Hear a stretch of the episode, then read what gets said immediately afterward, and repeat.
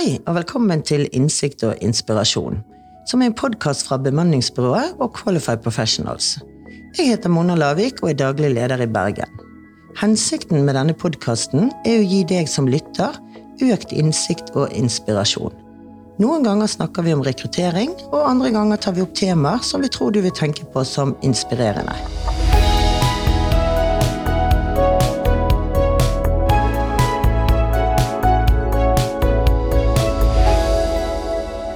I dag skal vi snakke om hvordan du avholder et jobbintervju, og jeg har med meg Øyvind Sandvik.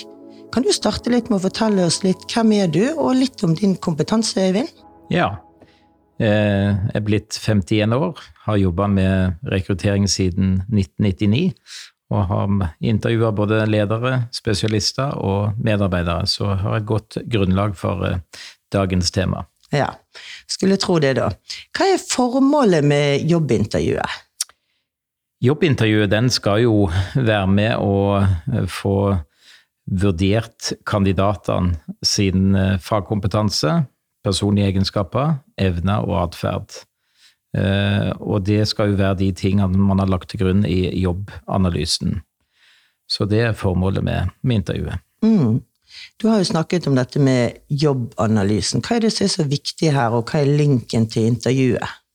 Jobbanalysen legger jo grunnlaget for hva er kravene du setter til den nye eh, kandidaten. Eh, og det er her man legger grunnlaget for å finne den beste kandidaten for din virksomhet. Mm.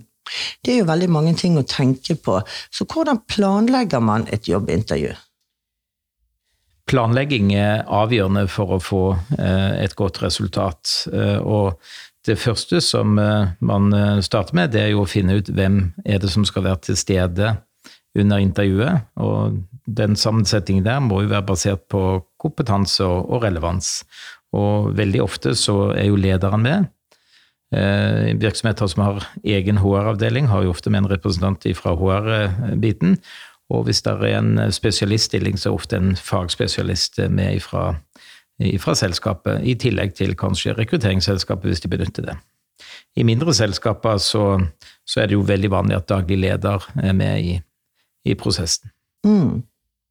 Eh, videre så, når du har valgt ut hvem som skal være med på intervjuet, så er det jo viktig å planlegge hvordan intervjuet skal bli gjennomført. Eh, da er det kjempeviktig at de som skal delta, har satt seg godt inn i jobbanalysen. Så alle er enige om hva er vi på utkikk etter. Så bør du jo bestemme strukturen på intervjuet. Hvilke spørsmål skal vi stille? Og man bør jo stille de samme spørsmålene til eh, alle kandidatene. Og hvem er det som skal stille de, eh, og hvilken rekkefølge, og hvordan skal vi oppsummere vurderingen eh, fra intervjuet. Og så er det jo alltid fornuftig å ha satt seg litt inn i kandidaten før intervjuet starter. Der er kanskje en søknad, der er en CV. Eh, og det å være godt forberedt eh, til møtet, det, det er kjempeviktig. Der, vi kommer jo litt tilbake til det i en annen podkast om tabber, men, men, eh, det å sette seg grundig inn i kandidatens CV og søknad, det er viktig. Og der kan man jo forberede seg godt med å skrive ned noen spørsmål som man ønsker svar på, og helst koordinere med de andre som skal, skal delta. Ja, nå har du fortalt litt om hvordan du planlegger intervjuet, og så er det selve gjennomføringen. F.eks. dette med å starte litt uformelt. Hva mener du her, og hvorfor er det viktig? Ofte er jo det å etablere en god eh, relasjon viktig. Mange kandidater er jo litt nervøse eh, før intervjuet starter, så det der å, å få en uformell start, eh, det skaper et eh, bedre grunnlag for å, og få et eh, godt intervju fra, fra begge ståsted. Mm. Og dette med å presentere selskapet, hva er det viktig å tenke på da? Det er vel to ting som jeg syns er kjempeviktig der. Det, det, ene det er jo å være trygg på at kandidaten har fått både fullstendig og presis informasjon. Eh, det andre det er jo employer branding. Eh, selskapet skal også selge seg inn her. Og ting som eh, veldig ofte kan være av interesse for kandidatene, det er jo å snakke om hva som kreves for å lykkes i denne virksomheten. Eh, hva de legger vekt på i forhold til trivsel, utvikling, arbeidsmiljøet eh, og osv. Og man skal ikke overselge stillingen, men eh, det er viktig å få fram de positive sidene med å være ansatt i, i virksomheten. Ofte setter jo kandidatene veldig pris på, på den runden der. Mm. Kan du gi noen eksempler på spørsmål som man kan stille til kandidaten? Ja, nå skal vi nok ikke gå helt i dybden på det, men eh, det som jeg syns er veldig viktig, det er jo først å få avstemt hvorvidt eh, de har skjønt hva stillingen går ut på. Så da ber jeg de ofte beskrive stillingen sånn som de har oppfatta den. Eh, jeg ber de om å forklare hva er det som gjør at de er motivert for å søke denne stillingen, og hva er det som gjør at de er et godt valg. Det er viktige spørsmål. Videre så er jeg opptatt av selvinnsikten eh, til kandidaten. Ber de eh, få vite om de har eh, medarbeidersamtaler, dialog med leder. Hva er det lederen trekker fram som ting de liker ved kandidatens egenskaper, og hvilke ting de har fått beskjed om å utvikle videre. Og så har jeg samme runde på de selv. Hva, hva kjenner de er styrkene og svakhetene, for å se på selvinnsikt og hjelpe til i neste fase, hvor vi skal se litt dypere på egenskaper og atferd. Eh, helt til slutt så, så, liker jeg å bli litt kjent med kandidaten. Hva er det som gjør at de har tatt de valgene som de har gjort, og ber de ta en gjennomgang av CV-en fra skole og fram til nå. Det skal ikke være noen rød tråd, men hva er det som gjorde at de tok det valget de tok? Hva fikk de med seg av læring, og erfaring om seg selv og kompetanse, og hva gjorde at de valgte et nytt sted? som en veldig sånn fin reise å forstå. Mm. Av og til så kan det være noen hull i CV-en som kan være greit å snakke om. Så, um, så det er en veldig fin måte å bli kjent med, med kandidaten på. Mm. Mm.